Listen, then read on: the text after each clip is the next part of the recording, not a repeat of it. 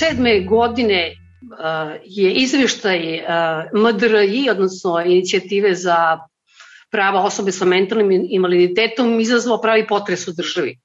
Koštunica je rekao da je to mračna propaganda, tadašnji ministar zdravlja Tomica Milosavljević je rekao da je to zlonamerno, pisali su veliki svetski mediji od New York Timesa pa nadalje, bile su te užasne scene i fotografije iz institucije koje ste vi obilazili. A tadašnji izveštaj, da podsjetim, zvao se Mučenje kao lečenje, a ovaj najnoviji se zove Zaboravljena deca Srbije. I sad ovaj naziv je benigni, tako da kažem, i, i manje para u oči ili uši. Međutim, onome što sam videla, zaključci do koji ste vi došli su takođe pa moram da kažem dosta užasni. Nakon izveštaja 2007. godine u Srbiji je došlo do određenih pomaka i naročito je započeto sa deinstitucionalizacijom dece. Zatvorena je jedna od institucija gde smo zabeležili najužasnije, ja bih rekla, uslove u Kulini i nakon toga izmeštena su deca iz te ustanove i prebačena u takozvane male domske zajednice.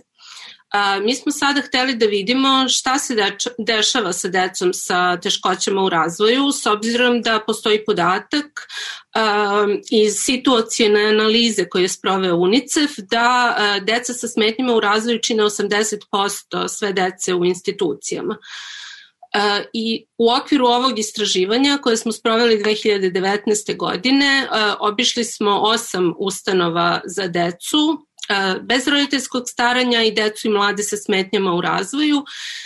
U okviru tih ustanova obišli smo i tri male domske zajednice, kao i prihvatilišta koja funkcionišu u okviru tih ustanova. Osim toga, obišli smo i specijalne škole, dnevne boravke, ali ono što je, mislim, najalarmantnije jeste stanje u, kako u velikim institucijama, tako i u malim domskim zajednicama. Prosto nismo primetili nikakvu razliku kada je u pitanju tretman dece sa smetnjama u razvoju.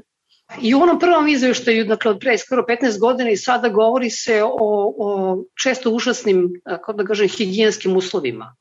Ali a, vi ste i sad upotrebljavali te termine koji zaista zvuče teško, a to je da je u pitanju nečovečno postupanje prema toj deci, da je u pitanju često tortura, i zlostavljanje. Važno je da napomenem kada govorimo o zlostavljanju i torturi, e, pre svega govorimo o jednom sistemskom problemu, ne o individualnim slučajevima, iako da, to se gleda u odnosu na pojedinačne slučajeve, ali generalno uslovi u kojima su ostavljena deca dosežu nivo uh, ne, nečovečnog i ponižavajućeg postupanja i u određenim slučajevima uh, dosežu nivo torture.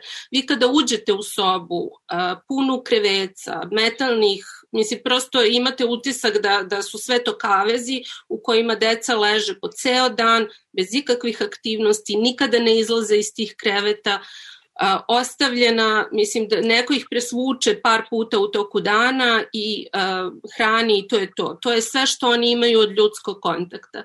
Znači oni su ostavljeni da čame u tim praznim sobama bez izlaženja na svež vazduh, Uh, i, I to samo po sebi predstavlja nečovečno postupanje. Mislim, prosto zamislite da neko, da, da neko vas ostavi, da ležite po ceo dan i gledate u plafon, uh, da ne možete sami da se pokrenete, da ne možete da izađete iz tog kreveta. To je ono što uh, mi karakterišemo i ne mi, mislim, to je prosto po međunarodnim standardima predstavlja nečovečno i ponižavajuće postupanje, a kada uz to da odete da neko trpi užasan bol, kao što su deca sa hidrocefalusom, kojima nije tretiran hidrocefalus, kada vidite decu koje su zgrčene u jednom položaju do te mere, mislim, prosto ne možete da zamislite da se to dete ne nalazi u užasnim bolovima s obzirom da su svi mišići potpuno zgrčeni. Vi ne možete da otvorite ruku, ne možete da pomerite ni ruku ni nogu. To su pojedinačni slučajevi gde ova situacija zapravo može i da dosagne nivo torture. U kojim vrstama mentalnih problema mi ovde govorimo Pogotovo što sam videla u vašem izveštaju da tamo ima dece, sada je već i tinejdžera i već ovaj, skoro mladiće koji osim toga što imaju neki fizički invaliditet, recimo ono, ne mogu da se kreću nego su kolicima i oni tamo spadaju. Dakle, mislim, dođevala koga sve stavljaju uh, i, i tretiraju na, na taj način od e, dece koja samo jedine teškoće koje imaju su posledica zapravo institucionalizacije. Znači ta deca ne bi imala nikakve poteškoće u razvoju osim što imaju fizički invaliditet, ali s obzirom da su ceo život provela u instituciji, oni naravno nemaju veštine, socijalne veštine, ne, mo, ne bi mogli da se samostalno snađu u početku u zajednici s obzirom na posledice jel, koje su proveli, uh, ceo život su proveli u instituciji. Imamo decu sa posledicama cerebralne paralize, decu sa hidrocefalusom, to su sve stanja koja uh, mogu ili ne moraju ići sa nekim intelektualnim ili kognitivnim teškoćama. Sam život u instituciji, nedostatak ljubavi, nedostatak individualne pažnje u velikoj meri pogoršava stanje u koje se ova deca nalaze i mi zapravo nikad nećemo moći da znamo e, šta su ta deca mogla da postignu, koji nivo razvoja su mogli da dostignu s obzirom da su ostavljeni da leže u krevetu po ceo dan bez ikakve individualne pažnje i tretmana. Takođe imamo decu sa autizmom i ono što se pogrešno smatra jeste da deca koja ne koriste govor na uobičajen način imaju intelektualne poteškoće, to nije tačno, postoje deca koji komuniciraju na drugi način, ne postoji nikakva upotreba alternativnih metoda komunikacije, samo smo u jednoj ustanovi videli da postoje napori osoblja da protumače poruke koje komuniciraju deca koja ne koriste govor, ali to je za, zaista izuzetak. Kako ta deca dospevaju i koliko ja znam, bilo je zabranjeno po našem zakonu da deca manje, mlađe od tri godine uopšte smeju da dospeju te institucije na koji način i zbog čega ona dospevaju tamo uopšte? Da li e, obično se misli pa roditelji ih neće ili nisu u stanju da brinu o njima i onda država kao postane mama i tata toj deci? Postoji više razloga. Najdominantniji sada to u manjoj meri zapravo jeste bilo da deca dolaze direktno iz porodilišta zato što lekari govore roditeljima da ostave decu, da prosto ne rade to sebi, da rode zdravo dete, to su neke poruke koje roditelji dobijaju na samom početku. To se sada, čini mi se, dešava u manjoj meri. Da, zakon zabranjuje smeštaj dece mlađe tri godine u institucije, ali dozvoljava izuzetak, tako da deca mogu biti smeštena uz posebnu dozvolu ministra, nadležnog ministra u instituciju, iako su mlađe od tri godine. I taj izuzetak je negde otvorio vrata i mahom pogađa decu sa teškoćama u razvoju. Ono što smo primetili, naravno da roditelji žele da brinu o svojoj deci i veliki broj dece, to što nam je ustanovama rečeno, dolazi negde nakon pete godine tu negde kada kreću veći izazovi, ukoliko porodica nema podršku, ukoliko dete nema pristup uslugama, ukoliko dete ne može da krene u školu, znači roditelji kreću da se susreću sa većim problemima, moraju da biraju između posla i brige o detetu i tu, to je ono što negde ih dovede u situaciju da počnu da razmatraju i smeštaj u instituciju. I zapravo roditelji se obraćaju Centru za socijalni rad za pomoć, a jedino što centar nudi je smeštaj u dom. Znači nije da roditelji odmah traže ili žele da ostave svoje dete, nego su prinuđeni na to zato što država ne nudi ništa drugo sem smeštaja u instituciju. Samo da izlistamo te užasne probleme a, koje ste vi naveli u izveštaju, to što ste tamo videli, uvijek je pitanje, nema para, nema osoblja. I onda mora to tako da bude. Pa ono što se dešava naročito u institucijama koje su za decu i mlade sa teškoćama u razvoju jeste da deca žive zajedno sa odraslim osobama. I tu se deca naravno nalaze u povećanom riziku od zlostavljanja, kako fizičkog, tako i bilo koje druge vrste Takođe, ono što je alarmantno e, i uglavnom u institucijama gde se nalaze i deca i odrasle osobe, e, mi smo istakli položaj devojčica i žena, u situaciji kada ste pod potpunom kontrolom institucije i kada nemate mehanizam pritužbe, kada nemate način da a, iskomunicirate da vam se nešto dešava, kada vam niko ne veruje, a, te žene se nalaze pod velikim rizikom od seksualnog zlostavljanja, a, one nemaju mogućnost da daju validan pristanak, a čuli smo od zaposlenih u više institucija da postoje partnerski odnosi a, između korisnika i korisnica i možemo se odmah zapitati koliko je zaista a, to a, uz pristanak, koliko su žene uh, izložene pritiscima na osnovu nekih rodno zasnovanih jel, razlika, uh, uh, fizičke snage, ucene i, i, i dalje. Mislim, to su, prosto ovo pričam na osnovu svedočenja žena, ne na osnovu moje mašte i prosto to smo čuli od samih žena koje žive u institucijama i uh, Takođe, ono čemu su žene izložene e, jeste prinudna kontracepcija. Da li je u pitanju ugrađivanje spirale ili je u pitanju e, distribucija kontraceptivnih pilula. Prosto e, žene nisu obaveštene o tome šta im se dešava. To se dešava bez informisanog pristanka i a, takva situacija zaista dostiže nivo torture, naročito kada dođe do trudnoće, kada se žene odvajaju od dece a, ili su prisiljene na a, abortus, to su, mislim, zaista drastični slučajevi. Ono što ja mislim da, da je tu a, najveći problem jeste da a, država ne uviđa i ne veruje ženama koje se nalaze u institucijama da doživljavaju a, to što doživljavaju. Da se vratimo na jednu od tih stvari koje su krucijalne, čini mi se, a to je zdravstvena nega te dece, recimo, govorilo se da je u pitanju često autizam, čak i, i, i neka deca koja imaju epilepsiju, što ih je kvalifikovalo da uđu u tu užasnu situaciju i kako bi nam ti ilustrovala nemogućnost pruženja tih zdravstvenih usluga elementarnih, koji opet izazivaju, kao što si ti rekla, i fizičku i mentalnu bol od te dece.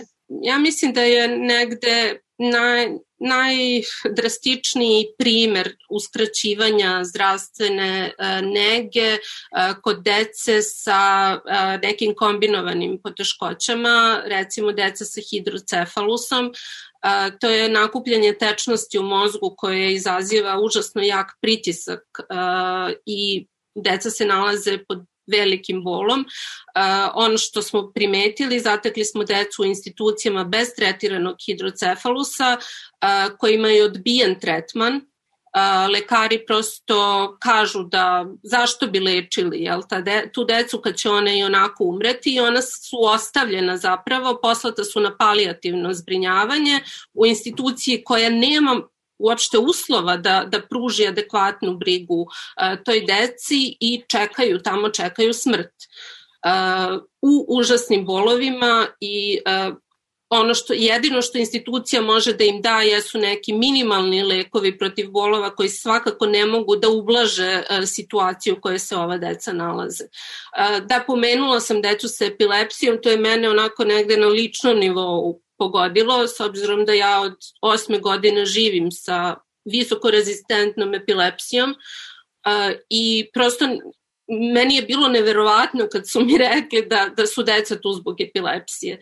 Prosto ne mogu da verujem da, da oni ne mogu da učestvuju u aktivnostima u kojima druga deca mogu da uh, učestvuju do toga da se zapitam šta bi bilo da sam ja rođena u porodici uh, koja nije imala uslova da pronađe lekara, koja, s obzirom da je to trajalo. U mom slučaju je bilo dosta teško pronaći adekvatne lekove, to, to je trajalo više meseci. Šta bi bilo da, da sam rođena u nekoj siromašnoj porodici koja nije imala tih uslova, ja bih verovatno završila u instituciji. Tako da je to mene onako poprilično prodrmalo.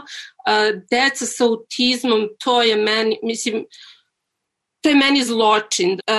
Uh, jedini razlog zbog koga se oni nalaze tamo jeste što uh, njih ne mogu da razumeju i ne mogu da razumeju njihove potrebe. Ne zato što oni ne bi mogli da žive u porodici, ukoliko bi postojali dostupni alternativni načini komunikacije, pre svega se odnosi na osobe sa autizmom koje ne koriste govor, i zbog toga dolazi do nerazumevanja njihovih potreba, zbog toga dolazi do tih nekih ponašanja zato što su oni isfrustrirani jer njihove potrebe nisu, jer se na njihove potrebe odgovara i tu se ulazi u začarani krug, jel da osobe za deca sa autizmom su agresivna ili ne znam šta, međutim osnovni problem jeste zapravo neprepoznavanje uh, njihovih i nezadovoljavanje njihovih potreba. Negde je osnovni uzrok zašto se ova deca nalaze u institucijama, uh, to su predrasude koje postoje, da ona ne mogu da žive u porodici, da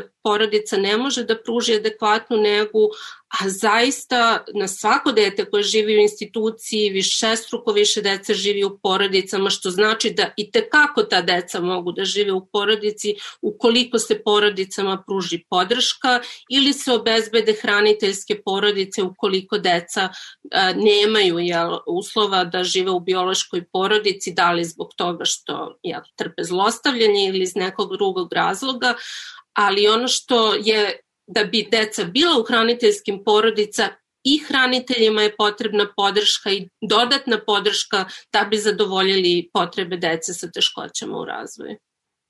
Pod kojim okolnostima, da li ikada, koliko te dece koja su ušla u te institucije izađe iz njih? Pa ono što smo dobili kao podatak jeste da otprilike e, kada su u pitanju mlađe deca, I, ali ovo se tiče sve dece, i dece sa teškoćama i bez teškoća. Negde oko trećina njih se vrati u biološke porodice, druga trećina ode u hraniteljske porodice, a ostatak ostane u a, instituciji. Znači negde ravnomerno raspoređeno. Međutim, kada su u pitanju deca sa teškoćama u razvoju, primarno rešenje pod izgovorom da nema hraniteljskih porodica koje su obučene ili da hraniteljske porodice ne žele da uzmu dete sa teškoćama u razvoju, deca sa teškoćama u razvoju ostaju u institucijama. Mislim, sam podatak da 80% dece u institucijama ima teškoće u razvoju govori o tome zapravo kakav je odnos i to je osnovni razlog, ne zato što biološke porodice ne žele da brinu o detetu ili hraniteljske porodice ne žele da brinu o detetu, već pre svega usmerenost naše države ka institucionalnom rešenju, ka institucijama, svo finansiranje je negde usmereno ka tome, finansiranje usluga u zajednici je sporadično, neodrživo i prosto u takvim okolnostima ono što jedino što centri ponude porodici kada se obrati za, za pomoć jeste smeštaj u instituciju. Da, vraćam se samo još jednom na to pitanje, koliko njih izađe napolje?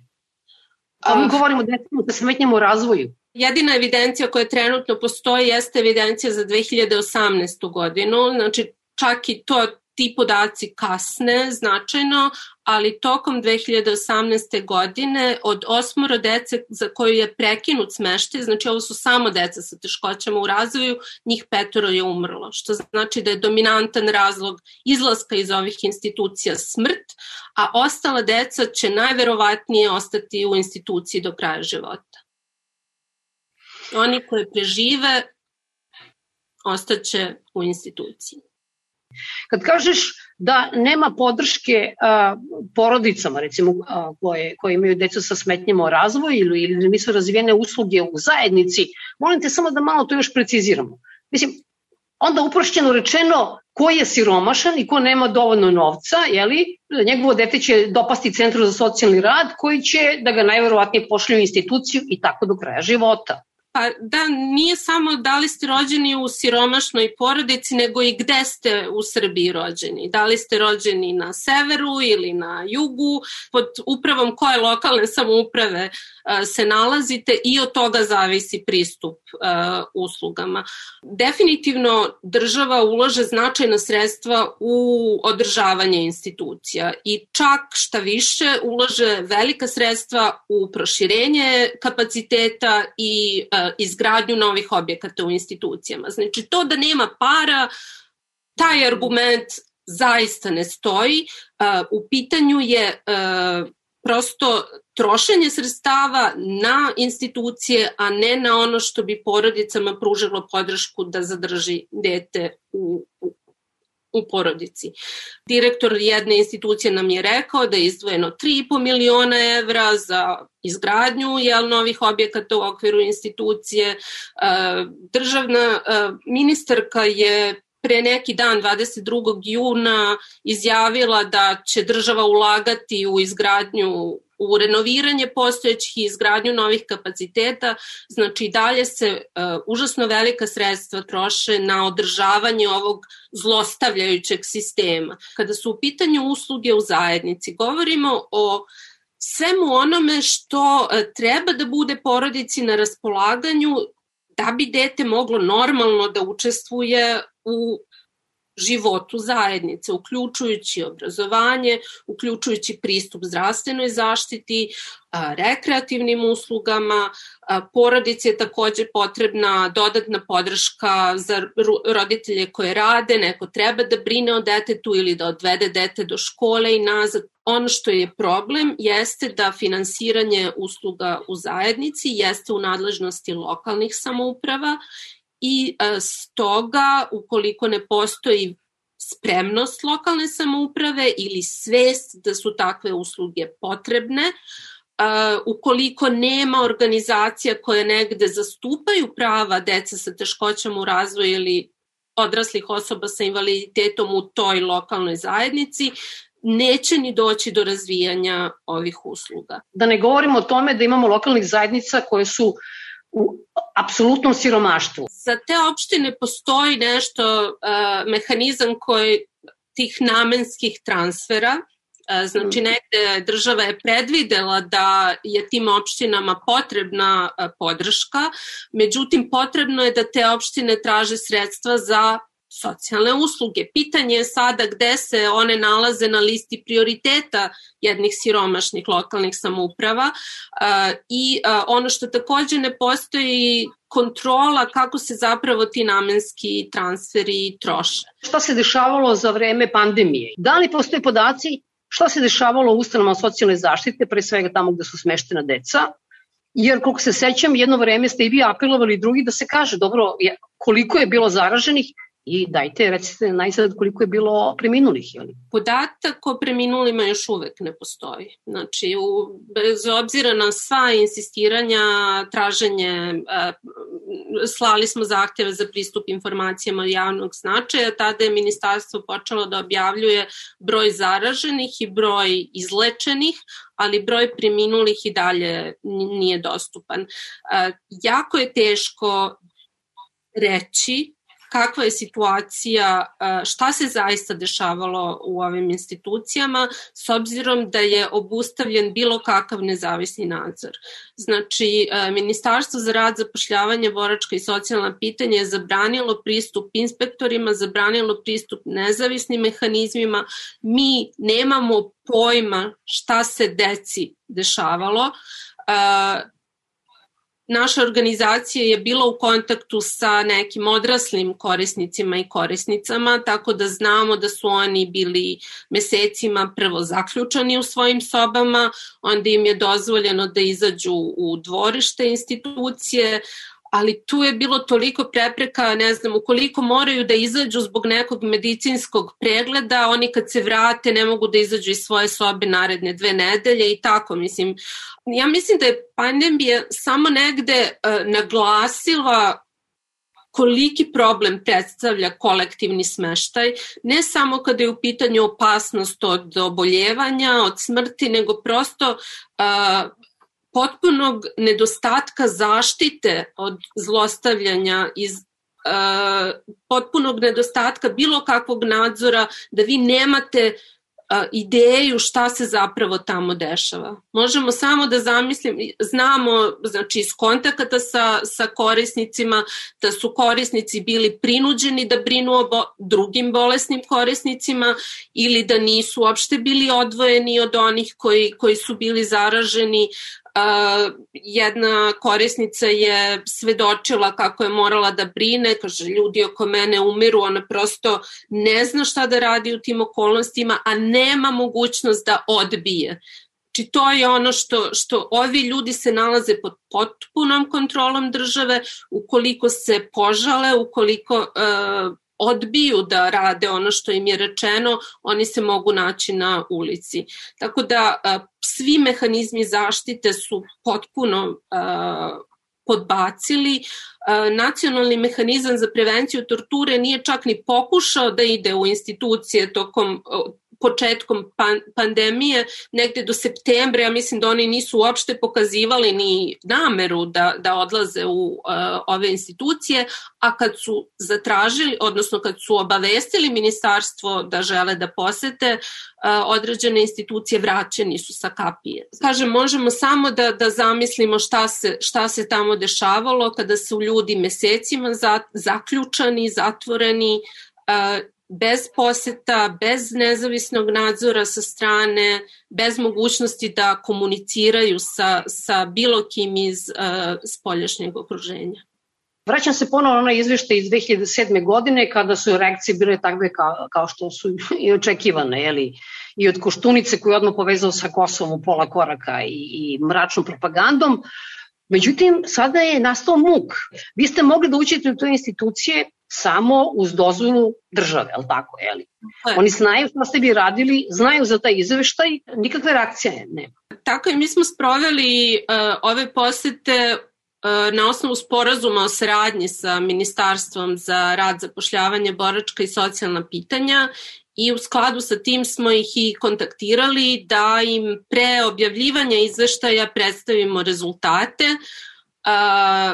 Nas su u roku od jednog dana uh, usmerili na Ministarstvo za brigu o porodici i demografiju, koja, ne, koja nema nikakve veze sa institucijama socijalne zaštite i nakon toga uh, imamo potpuno čutanje uh, Ministarstva za rad, nisu se oglasili ni povodom sastanka, mi smo im dostavili izveštaj pre nego što je izveštaj postao dostupan javnosti i dalje nikakav odgovor nismo dobili i prosto ovo je zaista neprihvatljivo i skandalozno, ja bih rekla, da e, država nema nikakvo interesovanje šta se dešava u ovim institucijama, e, ne želi da preuzme odgovornost, niti želi da uspostavi dijalog i e, prosto saradnju, jer cela zamisao uh, ovoga je bila da se kroz međusobnu saradnju poboljša, uh, doprinese poboljšanju položaja dece sa teškoćama u razvoju institucijama,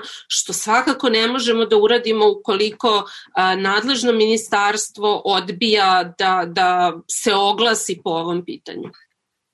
Ma ne, u ostalom, ako smatraju da vi preterujete, da niste u pravu, treba to da kažu nećemo da sarađujemo više sa MDRI ili sa bilo kim drugim, nećemo ih puštati u institucije, jer su oni, što bi rekao Koštunica, rade mračnu propagandu, ali oni su izgleda navikli da je bolje da se ćuti, jednostavno kao da se ništa nije dogodilo, pri čemu naša ta deca o kojoj stalno govore žive u užasnim uslovima. Mislim da se podsjetim takođe i Ljajiće koji je rekao da tri noći ne može da spava kada ode da poseti neku od tih institucija, pri čemu mogu misliti koliko se sve tu lepšava kada dođe ministar, a zamisli kad audio ode, šta se dešava sa tom decom, tako da je a neljudski apsolutno i čutati o tome, a kamoli to demantovati, to što znamo da je istino, jel? Apsolutno. Apsolutno, mislim, to, to samo potvrđuje ono što smo rekli, da je država potpuno otpisala ovu decu uh, i zna, prosto znajući da oni znaju šta se dešava, to upravo jeste neljudski da, da o tome i čute. Tako da uh, nečinjenje da, da se deci omogući da žive u porodici, smeštanje dece u institucije samo po sebi meni kriminal. Odvajanje dece od porodice, ne zato što porodica ne želi da brine o detetu, već zato što država ne želi da nađe način da podrži ove porodice, to je zaista kriminal. I potpuno je nedopustivo. Dragana, hvala mnogo na razgovoru. Nema na čemu, hvala vama.